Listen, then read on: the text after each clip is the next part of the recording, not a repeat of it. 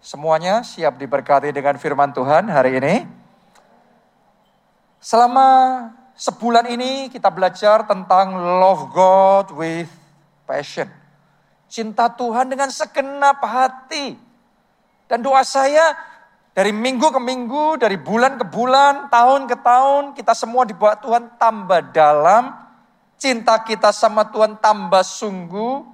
Dan kita sungguh-sungguh mengalami pengalaman pribadi bersama dengan Roh Kudus. Oke.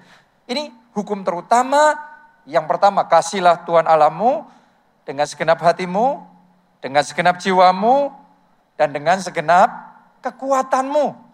Kenapa kau sebut hukum yang terutama dan yang pertama? Karena kalau yang ini nggak ada, yang lain tidak berarti. Hanya kalau yang ini ada, semua yang lain jadi berarti. Mari kita baca 1 Korintus 13 ayatnya yang pertama sampai ayat yang ketiga. Sekalipun aku dapat berkata-kata dengan semua bahasa manusia dan bahasa malaikat. Keren enggak? Siapa di sini yang bisa tiga bahasa atau lebih? Angkat tangan. Jarang ya?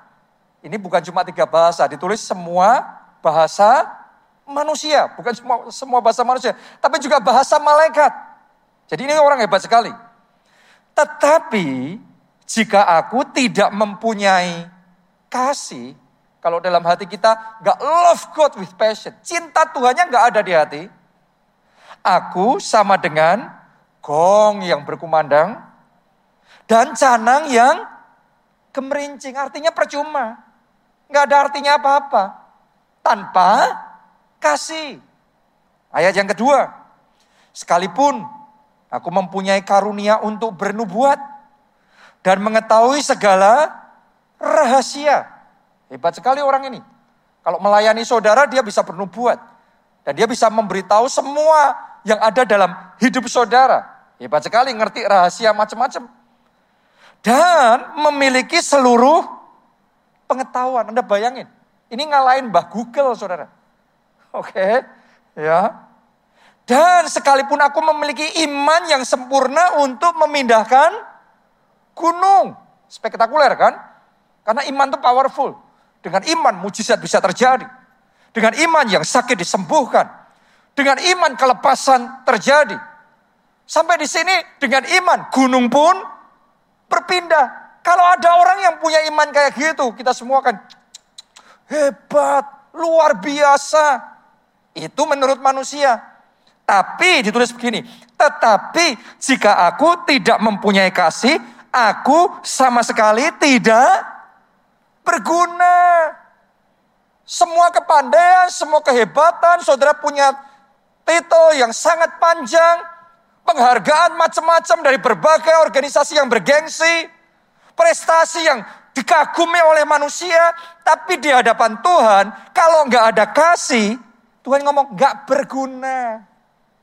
Kita harus ngerti. Kenapa? Karena kasih itu yang terutama. Kasih itu yang pertama. Kalau yang terutama yang pertama gak ada. Lainnya gak ada apa-apanya. Gak ada artinya. Ayat yang ketiga.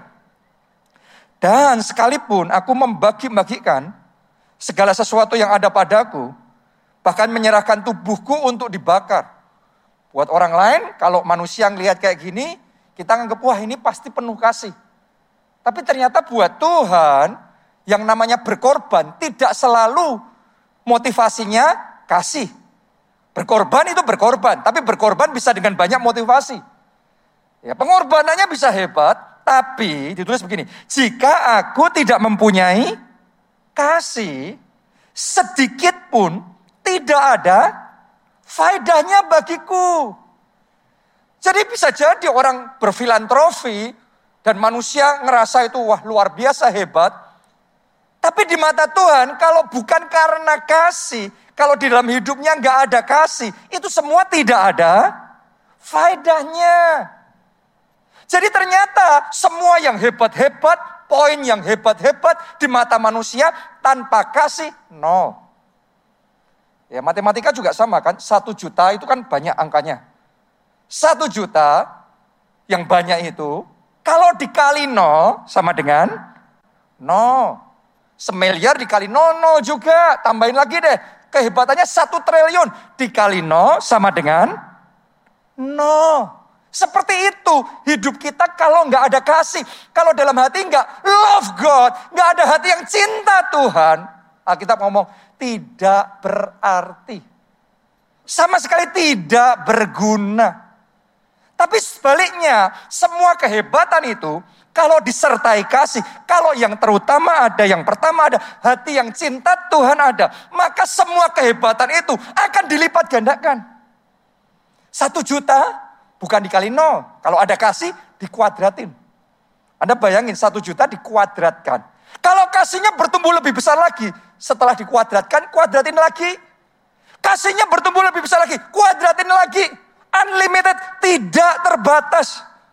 Doa saya mulai hari ini lebih dari semua kehebatan itu. Dalam hati kita semua, seluruh jemaat keluarga Allah dipenuhi dengan kasih yang lebih dan lebih lagi. Hatinya makin cinta Tuhan, hatinya makin cinta sesama. Kasih itu melimpah di dalam hidup saudara. Amin. Baru semua kehebatan itu ada nilainya. Tuhan hitung itu. Tanpa itu nggak dihitung sama sekali. Tidak ada faedahnya, nggak berguna sama sekali. Kenapa? Karena yang terutama, yang pertama adalah kasih. Makanya Tuhan suruh kita, kasihlah Tuhan Allahmu dengan segenap hatimu, segenap jiwamu, segenap kekuatanmu.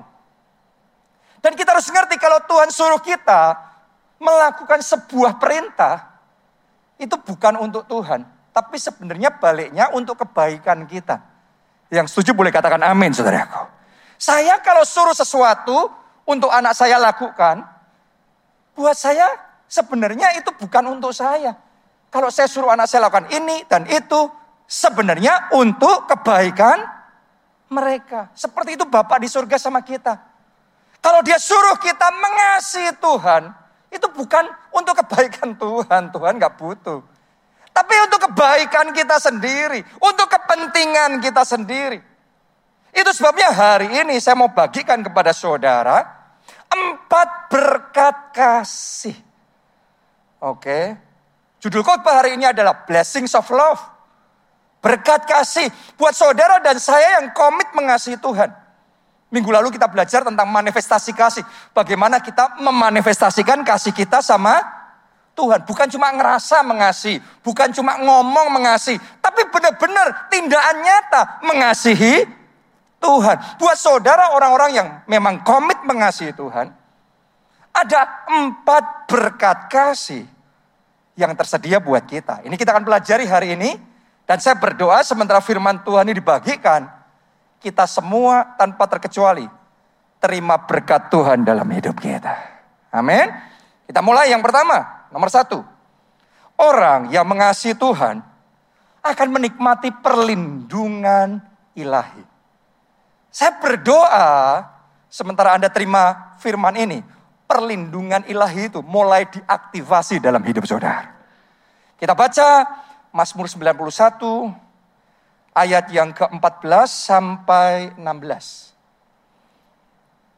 Sungguh hatinya melekat kepadaku Orang yang hatinya melekat sama Tuhan itu orang yang hatinya cinta Tuhan. Saya doa hati saudara tambah melekat sama Tuhan. Tambah bergantung, tambah mengandalkan Tuhan. Hari demi hari lebih dan lebih lagi. Kenapa? Karena Tuhan ngomong sungguh orang yang kayak gitu, yang hatinya melekat kepadaku, maka aku akan meluputkannya.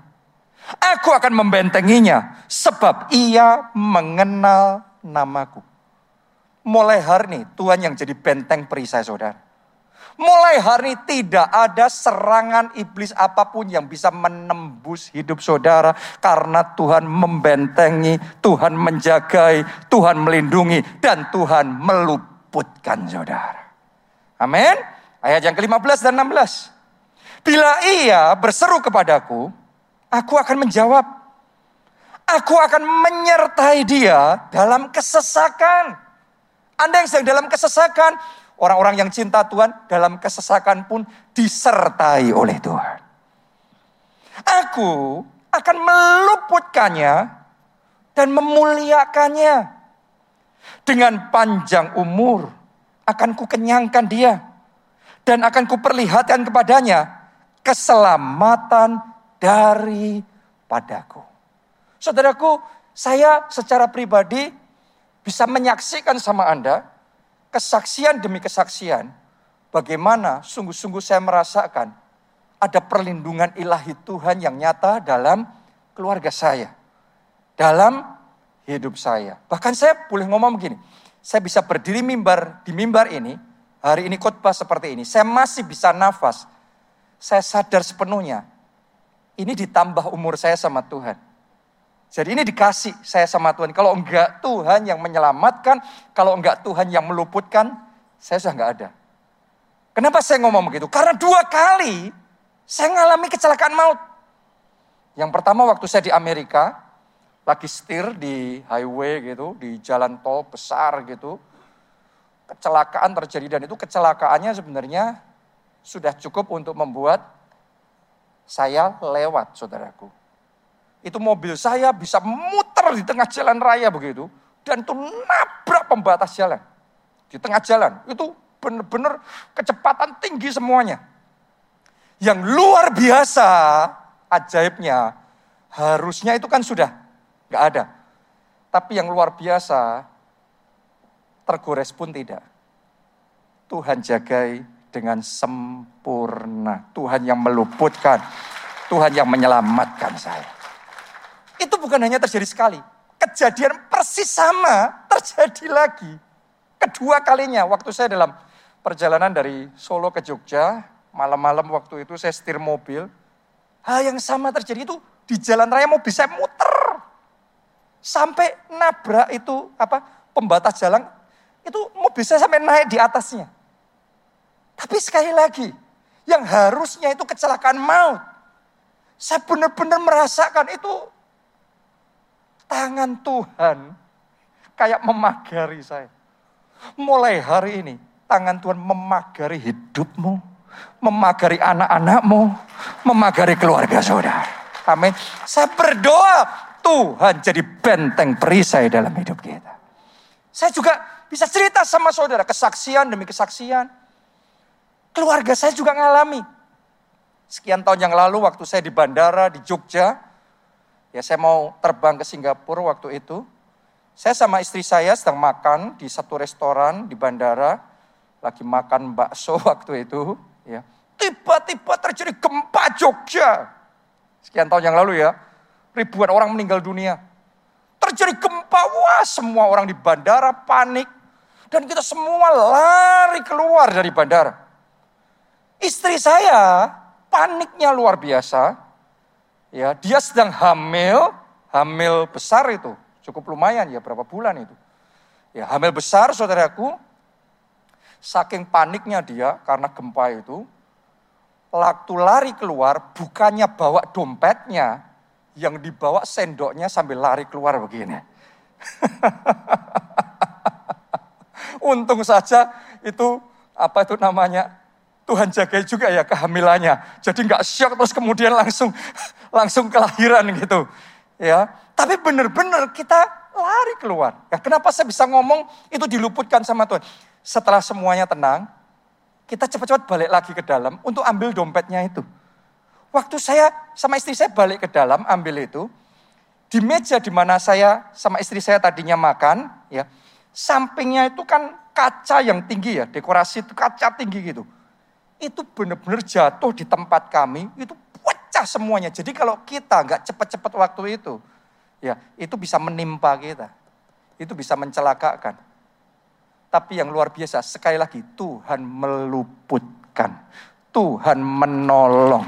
Tuhan menyelamatkan. Saya berdoa mulai hari ini perlindungan seperti itu diaktifasi dalam hidup saudara. Hidupmu dijagai, keluarga saudara dijagai, orang-orang yang Anda sayang dijagai oleh Tuhan.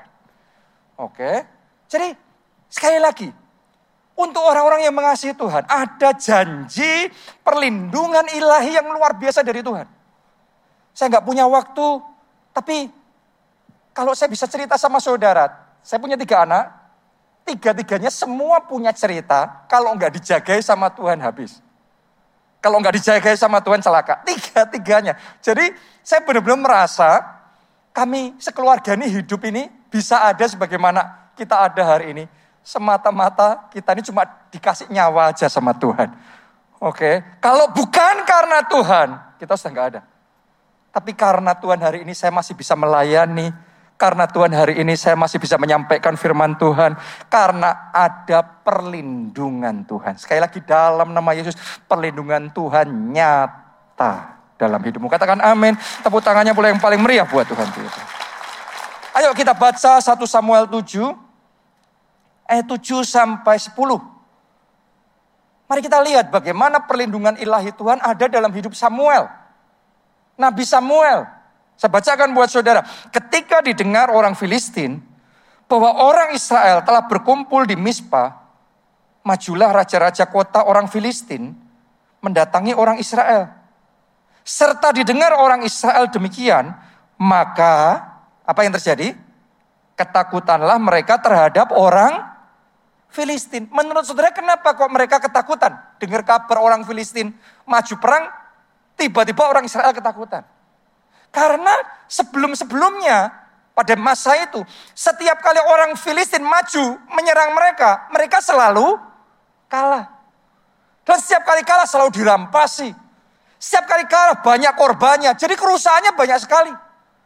Karena mengalami berulang-ulang itu jadi trauma. Nah sekarang orang Filistin maju lagi mau menyerang mereka. Mereka langsung ketakutan. Kalau mereka setiap kali perang menang, setiap kali perang menang, orang Filistin maju ya mereka no problem. Tapi mereka ditulis di sana ketakutanlah mereka. Begitu dengar kabar langsung takut. Karena trauma. Jadi buat saudara yang sedang dicekam dengan ketakutan, saya mau ngomong, ini yang dialami oleh orang Israel pada waktu itu. Nah mari kita lihat ayat berikutnya apa yang terjadi. Lalu kata orang Israel kepada Samuel, Janganlah berhenti berseru bagi kami kepada Tuhan Allah kita. Supaya ia menyelamatkan kami dari tangan orang Filistin itu. Jadi mereka ngerti ada sesuatu yang spesial dari Samuel ini. Karena itu mereka nggak datang sama yang lain. Datangnya sama Samuel, minta didoain. Samuel, doain. Kenapa? Karena mereka tahu Tuhan mendengar doa Samuel. Mulai hari ini Tuhan mendengar doa saudara. Amin. Mulai hari ini Tuhan menjawab doa saudara. Kenapa doa Samuel didengar sama Tuhan? Sederhana, karena Samuel ini hatinya cinta Tuhan. Kita sudah belajar berapa waktu, berapa minggu ini tentang Samuel. Samuel ini sejak kecil sudah cinta Tuhan. Sejak kecil sudah melayani Tuhan dengan sungguh-sungguh. Dan buat orang yang cinta Tuhannya seperti itu. Dengan spesial Tuhan mendengar doa mereka. Saudara harus ngerti bahwa yang namanya cinta Tuhan, cinta Tuhan itu jangan saudara ngomong sesuatu yang sepele. Ah, kamu jangan cuma ngomong cinta Tuhan. No, no, no, no, no. Cinta Tuhan itu big deal. Cinta Tuhan itu urusan besar. Cinta Tuhan itu vital. Cinta Tuhan itu sangat menentukan. Menentukannya bisa hidup dan mati. Karena untuk orang-orang yang cinta Tuhan, doanya secara khusus didengar oleh Tuhan. Yes. Jadi setiap minggu Anda ibadah seperti ini. Anda korban buat Tuhan. Anda taat sama firman Tuhan. Anda cinta Tuhan. Saya mau ngomong sama saudara. It is not for nothing. Ini nggak sia-sia. Semuanya itu didengar sama Tuhan. Dicatat sama Tuhan. Dan akan ada berkat perlindungan ilahi yang spesial. Tuhan berikan dalam hidup saudara. Amin. Haleluya. Nah mari kita lihat apa yang terjadi. Ayat 9. Sesudah itu Samuel mengambil seekor anak domba yang menyusu. Lalu mempersembahkan seluruhnya kepada Tuhan sebagai korban bakaran. Dan ketika Samuel berseru kepada Tuhan bagi orang Israel, tolong perhatikan, maka Tuhan menjawab dia. Ketika Samuel berseru, maka Tuhan menjawab dia. Hari ini Anda berseru sama Tuhan. Hari ini engkau pulang dengan jawaban doa. Anda percaya? Jadi seturut iman saudara. Amin. Saya ngerasain loh. Sementara saya ngomong seperti ini. Akan ada orang di tempat ini yang sebelum khotbah saya ini selesai. Mujizat sudah terjadi di Jawaban doa sudah diberikan. Terima itu dalam nama Yesus. Amin. Lanjutkan ayat yang ke-10. Bagaimana Tuhan menjawab doanya Samuel? Sedang Samuel mempersembahkan korban bakaran itu. Majulah orang Filistin berperang melawan orang Israel. Ini aneh nih. Di ayat sebelumnya tadi Tuhan menjawab doanya Samuel. Tapi ternyata Orang Filistin maju memerangi orang Israel. Jadi bukan cuma berita, sekarang benar-benar perang terjadi. Kadang-kadang kita berpikir kalau Tuhan menjawab doa kita, maka masalah langsung selesai. Kalau Tuhan menjawab doanya orang Israel, doanya Samuel berarti orang Filistin mundur. Gak jadi perang, gak jadi ada masalah. Tapi ditulis Tuhan dengan jelas ya, Tuhan menjawab doanya Samuel. Terus orang Filistin maju memerangi mereka. Artinya gini. Tuhan, ah, artinya begini. Orang Filistin memerangi orang Israel. Itu bagian dari jawaban doanya Tuhan. Wow. Kenapa? Karena kalau Tuhan izinkan musuhnya memerangi umatnya, artinya Tuhan sedang setting akan terjadi kemenangan yang besar.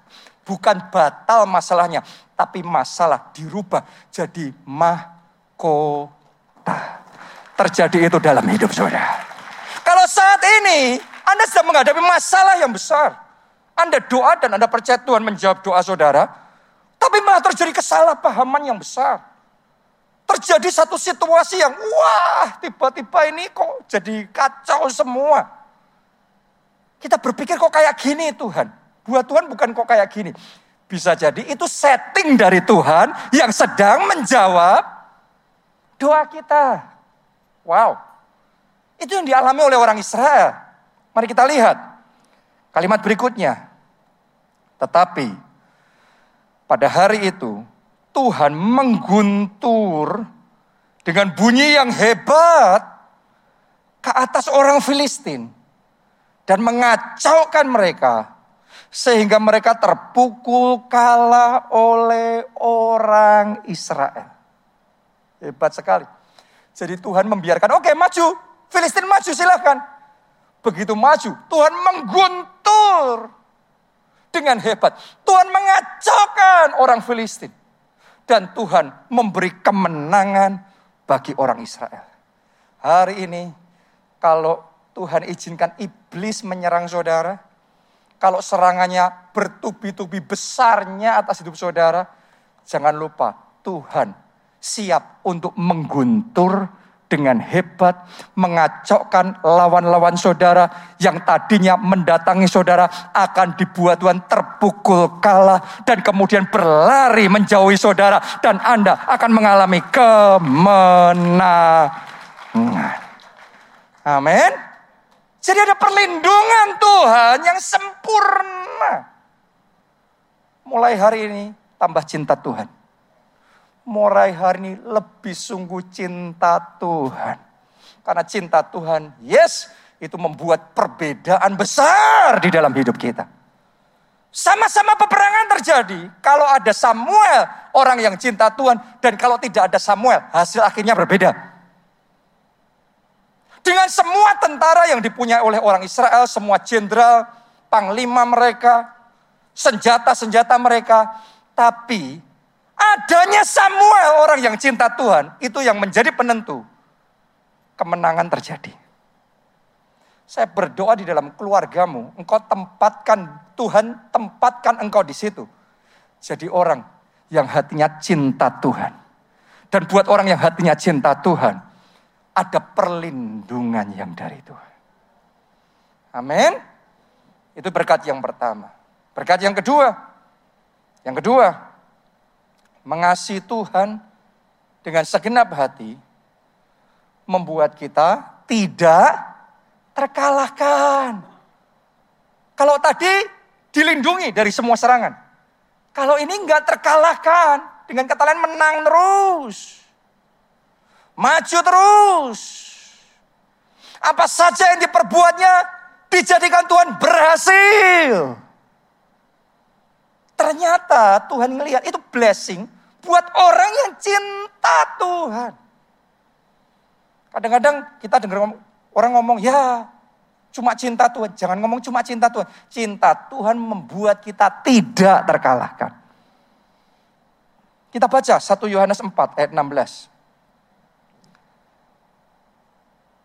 Kita telah mengenal dan telah percaya akan kasih Allah kepada kita. Allah adalah kasih. Dan barang siapa tetap berada di dalam kasih, ia tetap berada di dalam Allah. Dan Allah di dalam dia. Kuncinya tetap berada di dalam kasih. Tetap cinta Tuhan. Saya tantang saudara semuanya, apa pun masalah sedang terjadi dalam hidupmu, tetap cinta Tuhan. Masalah, persoalan silih berganti dalam hidupmu, jangan luntur cintanya. Tambah hari, tambah cinta Tuhan. Mau diberkati, tidak diberkati, kelimpahan, kekurangan, tetap cinta Tuhan. Itu yang namanya tetap berada dalam kasih. Tidak meninggalkan cintanya sama Tuhan. Terus cinta sama Tuhan. Dan Alkitab ngomong, Allah adalah kasih. Kalau saudara tetap berada dalam kasih, tetap cinta Tuhan apa pun yang terjadi, bahkan tambah cinta Tuhan. Alkitab ngomong Allah adalah kasih, berarti kalau orang tinggal dalam kasih, tinggal di dalam Allah. Dan Allah di dalam dia. Anda bayangin, kalau kita tinggal di dalam Allah, dan Allah di dalam kita, bagaimana mungkin kita bisa kalah? Kalau kita di dalam Allah, Allah di dalam kita, berarti satu pihak enggak sama Tuhan. Satu pihak. Alkitab ngomong kalau Allah di pihak kita, siapa lawan kita? Mulai hari ini, selalu ada kemenangan. Saya berdoa tangan saudara boleh nggak diarahkan seperti ini? Diberkati, diberkati, diberkati berkat tidak terkalahkan. Diberikan dalam hidup saudara untuk tangan-tangan yang diurapi ini. Apa saja yang dikerjakannya berhasil. Berhasil. Berhasil dengan tangan yang sama, tepuk tangan kemuliaan yang paling meriah. Buat Tuhan yang membuat kita berhasil. Ini yang Tuhan lakukan dalam hidup kita. Orang-orang yang cinta Tuhan. Ayo kita lihat Samuel. Kisah yang tadi sudah kita baca tentang Samuel. Ayat-ayat berikutnya kita akan baca. Bagaimana Tuhan membuat Samuel tidak terkalahkan. Kita kembali di 1 Samuel 7 tadi. Sekarang ayat 13 sampai 14. Demikianlah orang Filistin itu ditundukkan dan tidak lagi memasuki daerah Israel. Tangan Tuhan, tolong perhatikan saudaraku, ini ada sesuatu yang istimewa di ayat ini tangan Tuhan melawan orang Filistin seumur hidup Samuel. Anda coba renungkan itu. Tangan Tuhan melawan orang Filistin seumur hidup Samuel. Selama ada orang yang dicintai Tuhan, ada tangan Tuhan yang melawan musuh-musuhnya. Saya mau ngomong begini, tolong dengarkan baik-baik. Kalau ada orang yang memusuhi saudara. Kalau ada orang yang mau menjatuhkan dan berbuat jahat sama saudara. Saran saya, gak usah balas kejahatan sama kejahatan. Terus kita harus gimana dong? Sederhana, tambah cinta Tuhan. Belajar saat ada orang yang memusuhi saudara, mau menyerang saudara. Belajar lebih banyak menyenangkan hati Tuhan. Lebih banyak menyukakan hati Tuhan. Anda yang melakukan, karena saya lakukan itu dalam hidup saya. Kalau ada orang yang nyerang, musuhin saya, saya nggak gubris. Saya pokok semakin fokus saja tertuju sama Tuhan. Pokok saya banyak nyenengin Tuhan. Saya jadi orang kesayangannya Tuhan. Sekarang saya tanya sama saudara. Kalau saudara punya anak yang Anda sayangi. Terus anak yang Anda sayangi yang banyak nyenengin hati saudara. diganggu sama orang lain, Anda diam saja atau Anda bela? Anda bela. Lebih dari itu, Tuhan bela anak-anaknya yang cinta Tuhan. Yang tahu bagaimana menyenangkan dan menyukakan hati Tuhan. Jadi kita, saya nggak perlu ngapa-ngapain, saya sudah membuktikan berulang kali. Kalau ada orang nyerang, ada orang ngapain ngomong banyak ini itu dan saya diem. Dulu saya emosi, dulu saya marah, tapi sekian tahun saya mulai berjalan bersama Tuhan, saya mulai belajar. Ternyata nggak ada artinya kalau kita balas kejahatan dengan kejahatan itu sia-sia, hancur semua. Tapi saya cinta Tuhan aja, nyenangin hati Tuhan aja. Dibela Tuhan itu lebih manis. Dibela Tuhan itu lebih terhormat. Dibela Tuhan itu Tuhan menghidangkan, memberi jamuan pesta buat kita di hadapan lawan-lawan kita. Coba anda renungkan itu. Mereka maunya jatuhin, mereka maunya menjelek-jelekan, mereka maunya ini itu. Semakin di, mau dijatuhin oleh mereka, semakin Tuhan bela dan Tuhan angkat kita. Lebih indah, lebih manis. Mulai hari ini nggak peduli yang manusia lakukan sama saudara. Tambah cinta Yesus. Manusia boleh merekak-rekakan yang jahat, tapi Allah merekak-rekakannya untuk kebaikan. Katakan amin. Kita kasih tepuk tangannya boleh yang paling meriah buat Tuhan kita. Ayat 14. Dan kota-kota yang diambil orang Filistin daripada Israel kembali pula kepada Israel. Hebat ini. Tadinya diserang, begitu dengar kabar aja sudah ketakutan. Sekarang bukannya batal diserang, mereka malah menang, bahkan wilayah yang dulu sudah hilang, sekarang balik. Bisa kembali. Ini di luar rencana. Ini berkat yang tidak terduga. Saya deklarasikan di dalam nama Yesus, setiap berkat yang sempat iblis curi dari hidup saudara. Dalam ibadah ini saya deklarasikan di dalam nama Yesus, dikembali dipulihkan. Semua yang harusnya jatah saudara, tapi diambil oleh musuh. Dikembalikan dalam nama Yesus. Dipulihkan itu dalam hidup saudara. Bukan cuma itu, orang Israel ngalami lebih dari itu. Ditulis begini, ya, mulai dari Ekron sampai Gad. Dan orang Israel merebut daerah sekitarnya dari tangan orang Filistin antara orang Israel dan orang Amori ada damai. Jadi setelah daerahnya kembali, terus mereka disertai Tuhan, daerah sekelilingnya yang tadinya bukan daerah mereka, sekarang mereka punya. Harusnya mereka diserang, takut. Mereka mengalami kekalahan, harusnya gitu. Harusnya wilayahnya semakin sempit. Tapi karena ada Samuel, orang yang cinta Tuhan, maka Tuhan membalik keadaan, bukannya pengurangan malah penambahan. Wilayahnya mengalami perluasan. Saya deklarasikan di dalam nama Yesus tahun ini bukan pengurangan. Pandemi ini, kalau engkau percaya sama Tuhan, orang-orang yang cinta Tuhan, saya deklarasikan bukannya per pengurangan, bukannya penyempitan, tapi yang Tuhan kerjakan penambahan. Wilayahmu diperluas, berkatmu dilipat gandakan oleh Tuhan. Terima itu dalam nama Yesus. Amin. Kenapa? Karena ada hati yang cinta Tuhan. Ini berkat tidak terkalahkan. Itu yang kedua. Berkat yang ketiga. Mengasihi Tuhan membuat orang di sekitar kita juga ikut diberkati. Jadi bukan cuma kita aja. Orang-orang yang cinta Tuhan akan melihat orang-orang di sekelilingnya orang-orang yang connect sama dia, ikut diberkati. Kejadian 30 ayatnya yang ke-27. Mari kita lihat kehidupan Yakub. Tetapi Laban berkata kepadanya, kepada Yakub. Laban ini siapa? Ada yang tahu? Laban ini pamannya Yakub. Juga bosnya Yakub. Oke, karena Yakub kerja buat Laban. Laban berkata kepadanya, kepada Yakub, sekiranya aku mendapat kasihmu, telah nyata kepadaku bahwa Tuhan memberkati aku karena engkau. yang ngomong Laban apa Yakub ini? Laban. Kalau Yakub yang ngeklaim, kamu diberkati karena aku ya jangan tanya.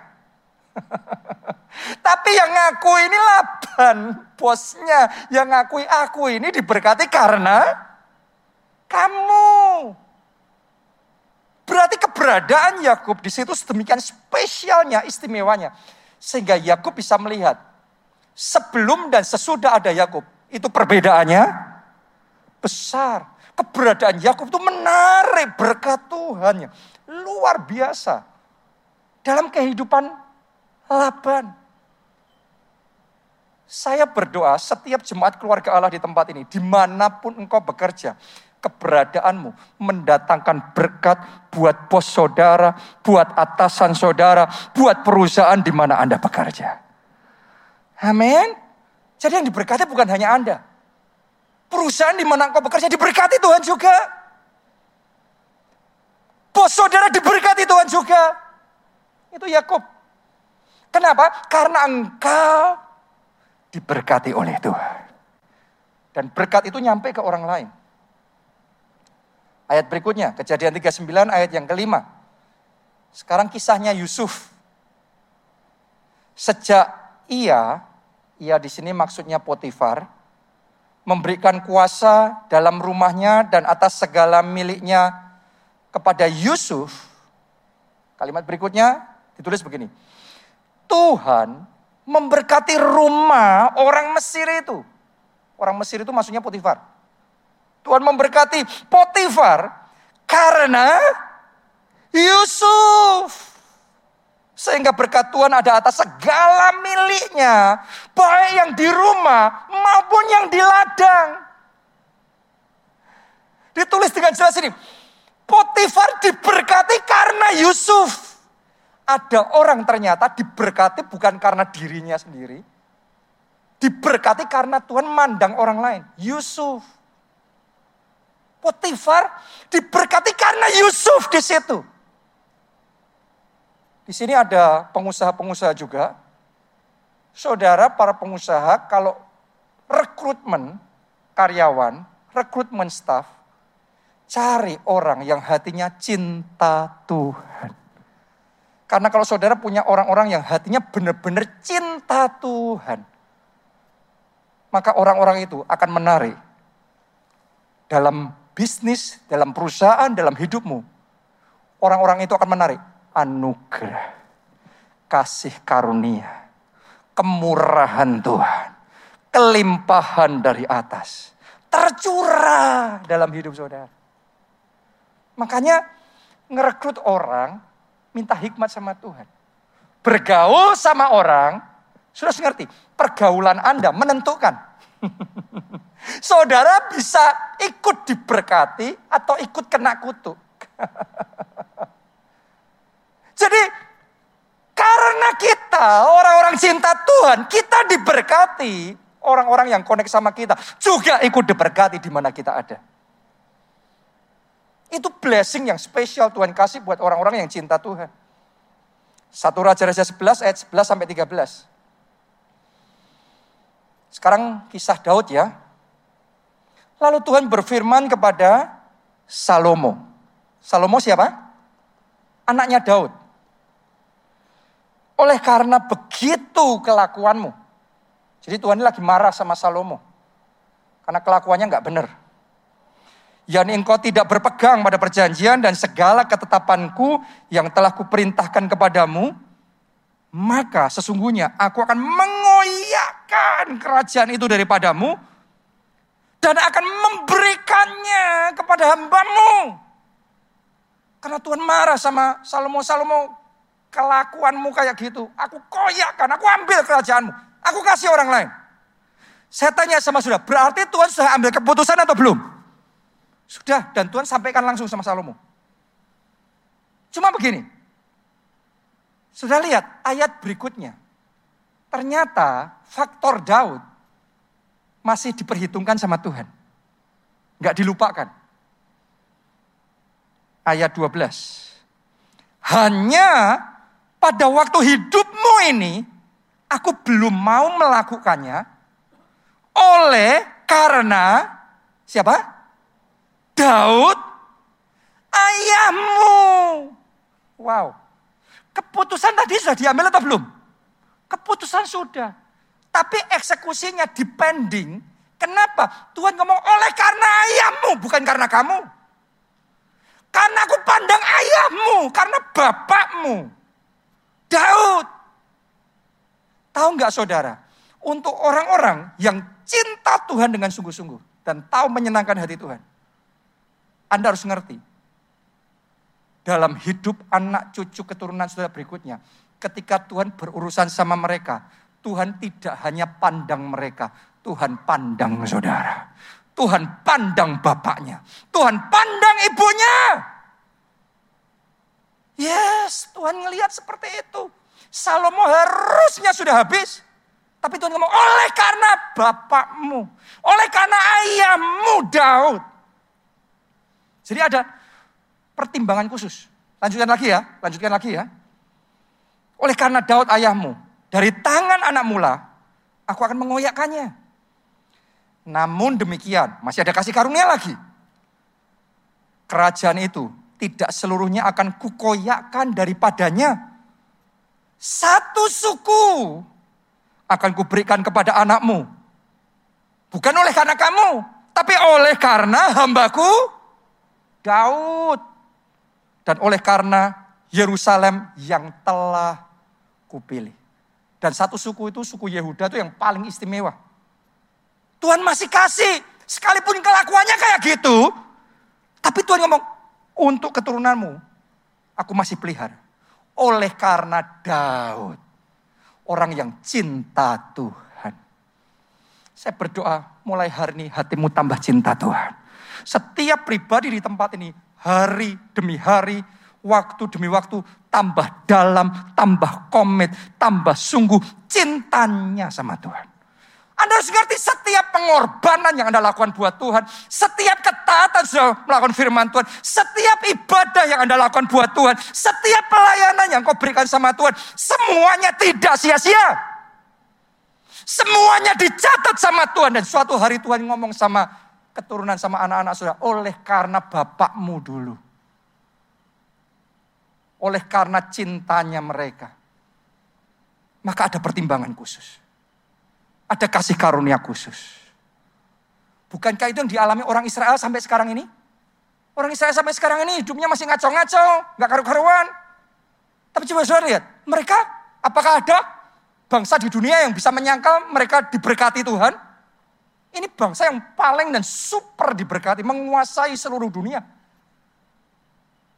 Kenapa? Bukan saya percaya bukan karena mereka. Tapi Tuhan ngomong, oleh karena Daud nenek moyangmu. Oleh karena ada Abraham, ada Isa, ada Yakub. Jadi mereka itu sudah punya sejarah yang panjang. Nenek cucu uh, apa? Nenek moyang mereka orang-orang yang cinta Tuhan. Makanya dalam perjalanan bangsa ini ada yang namanya berkat keturunan.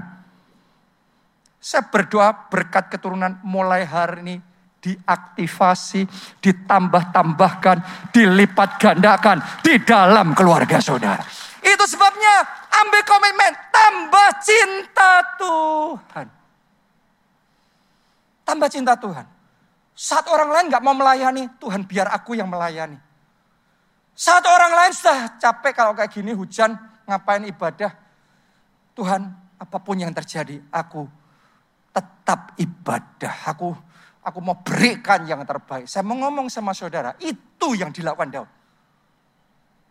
Dan itu yang mendatangkan anugerah kasih karunia Tuhan dalam keluarganya. Jadi jangan main-main cinta Tuhan itu make a big difference.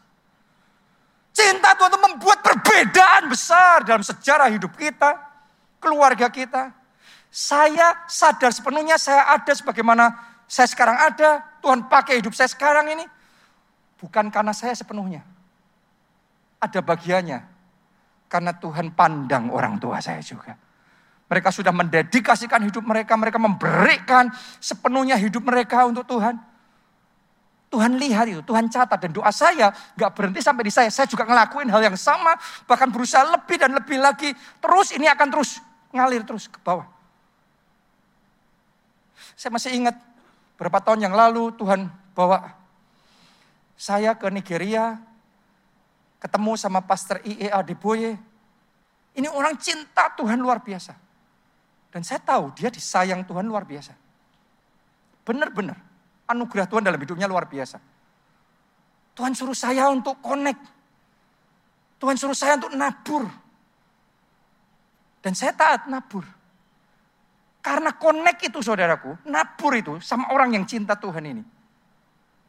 Tiba-tiba saya tuh bisa merasakan. Karena sebelumnya saya juga sudah cinta Tuhan, sebelumnya saya juga sudah nabur, sebelumnya saya juga sudah diberkati. Tapi sejak sekian tahun yang lalu ketika kita mulai connect sama dia, tiba-tiba kita merasakan kayak berkat itu dibukanya di dalam dimensi dan level yang belum pernah kita alami sebelumnya dalam hidup kita. Tiba-tiba kita kayak ngalamin dilipat kali ganda, diperbesar kapasitas dan blessing itu mengalir dengan derasnya. Termasuk di masa pandemi sekalipun, di mana semuanya serba terbatas seperti ini. Tapi saya bersaksi sama saudara, tidak sekalipun Tuhan meninggalkan kita. Tuhan pelihara gereja kita. Dan Tuhan berkati kita dengan luar biasa. Jadi ternyata ada blessingnya mengalir. Dan blessing itu nggak berhenti. Gereja kita juga makin hari bertumbuh. Makin mengasihi Tuhan, makin cinta Tuhan. Saya juga melihat jemaat-jemaat, orang-orang yang connect sama kita. Sama gereja kita bukan cuma jadi jemaat ya. Karena kadang-kadang hati itu lebih menentukan. Ya, kadang ada jemaat tapi hatinya belum tentu ngeklik. Tapi ada orang-orang yang ngeklik connect sama kita begitu rupa. Dan luar biasa sekali. Anda bisa bersaksi, banyak dari saudara bersaksi.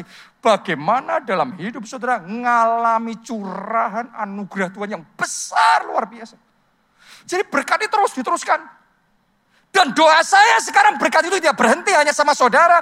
Doa saya melalui hidupmu melalui karena ada saudara, maka keluargamu ikut diberkati. Teman-temanmu ikut diberkati. Bos, saudara, supplier saudara, koneksi-koneksi relasi-relasi saudara, orang-orang yang berhubungan sama saudara, ikut diberkati Tuhan. Karena ada saudara di situ. Tambah hari, tambah cinta Tuhan. Katakan amin saudara. Yang keempat, yang terakhir. Orang yang mengasihi Tuhan akan merasakan campur tangan Tuhan yang nyata. Roma 8 ayat 28. Kita tahu sekarang bahwa Allah turut bekerja. Turut bekerja itu turut campur tangan. Jadi kita nggak sendiri, nggak kerja sendiri, nggak berjuang sendiri. Tapi Tuhan ikut di situ. Tuhan campur tangan di situ. Doa saya dalam bisnismu kok nggak sendiri. Tuhan campur tangan di situ. Doa saya dalam pernikahan, dalam keluargamu kok nggak sendiri. Ada Tuhan campur tangan di situ. Amin. Allah turut bekerja dalam segala sesuatu untuk mendatangkan apa? Semuanya katakan kebaikan. Semuanya katakan saya terima kebaikan.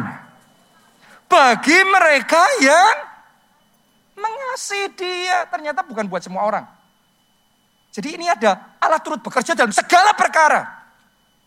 Itu bagi orang yang mengasihi dia. Yaitu bagi mereka yang terpanggil sesuai dengan rencana Allah. Untuk orang-orang seperti itu Allah turut bekerja, Allah campur tangan. Tahu nggak saudara? Kata Allah turut bekerja. Itu dalam Alkitab masa kininya ditulis Allah mengatur segala sesuatu. Kata mengatur itu punya dua arti. Nomor satu, tadinya sudah kacau berantakan terus diberesin. Jadi rapi, jadi bersih. Benar? Saya mau ngomong sama saudara, kalau ada di antara saudara yang hidupmu berantakan, pernikahanmu kacau balau keuanganmu, sangat mesi, sangat berantakan sekali. Kehidupan rohani saudara, berantakan luar biasa. Tapi kalau hari ini Anda ambil keputusan cinta Tuhan dengan sungguh-sungguh, Tuhan beresin hidup saudara. Tuhan luruskan jalan hidupmu. Tuhan pulihkan pernikahanmu. Itu yang pertama. Arti Allah mengatur, campur tangan. Mengatur yang kedua adalah nggak nunggu berantakan dulu. Mengatur tuh mempersiapkan segala sesuatunya supaya semuanya berjalan dengan lancar, dengan baik. Seperti kayak IO wedding. Saya tanya sama saudara, waktu wedding yang menikah pengantinnya apa IO-nya? Yang menikah pengantinnya, tapi yang repot IO-nya, pengantinnya duduk aja. Duduk manis di situ.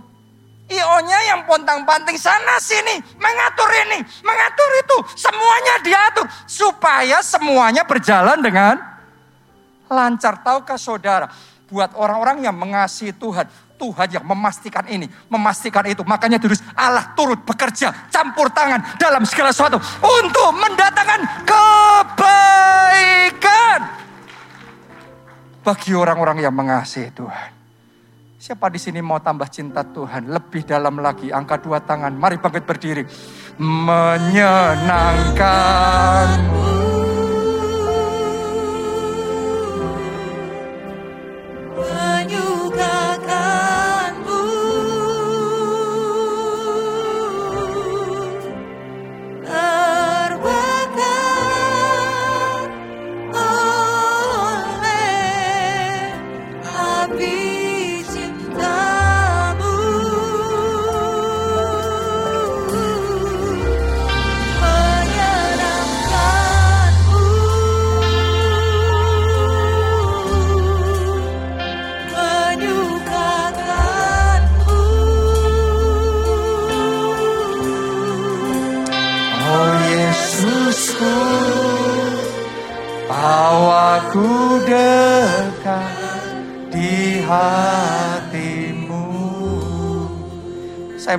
Berdoa supaya dalam hidupmu mulai sekarang campur tangan dari Tuhan itu benar-benar nyata.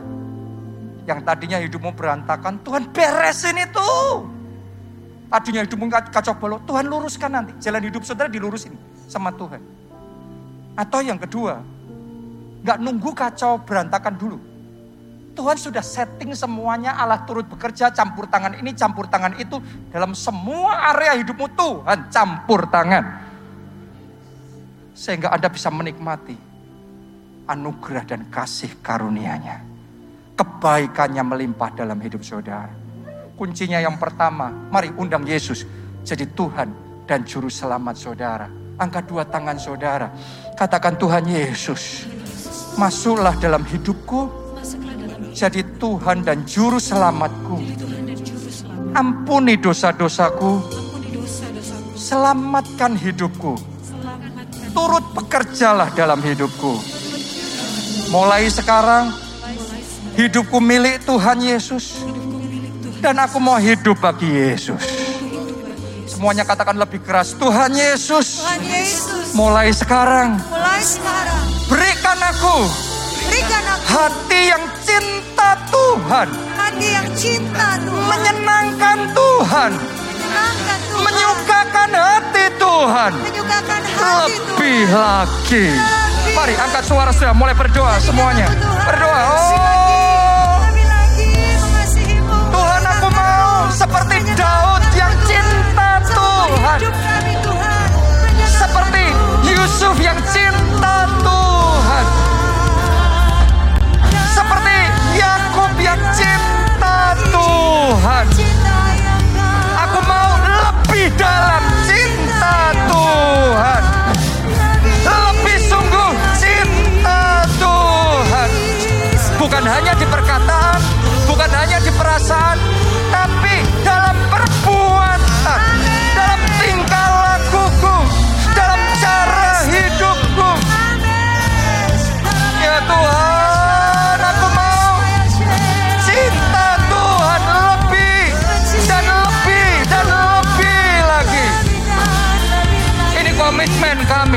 hidup kami ya Tuhan. Terima kasih Yesus, terima kasih Tuhan.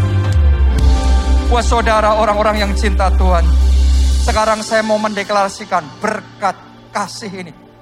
Blessing of love ini. Supaya anda bisa menikmati hidup dalam kelimpahan kasih Tuhan. Ada yang mau angkat dua tangan saudara. Mulai saat ini dalam nama Tuhan Yesus. Perlindungan ilahi itu diaktifasi dalam hidup saudara. Musuh saudara bisa saja menyerang saudara. Tetapi mereka akan berlari menjauh dari hadapan saudara. Semua lawan yang berusaha menjatuhkan saudara. Manusia mereka-rekakan yang jahat. Tapi Tuhan membaliknya, mereka-rekakannya untuk mendatangkan kebaikan. Mulai hari Tuhan jadi benteng berisamu. Semua serangan musuh dihancurkan. Sakit penyakit dihancurkan. Pencuri berkat dihancurkan. Pengacau keluarga dihancurkan. Dan sekarang terima berkat tidak terkalahkan. Tercurah dalam hidupmu apa saja yang kau perbuat dijadikan Tuhan berhasil. Berhasil. Berhasil. Bahkan mulai hari ini bukan hanya anda diberkati. Orang-orang di sekeliling saudara ikut diberkati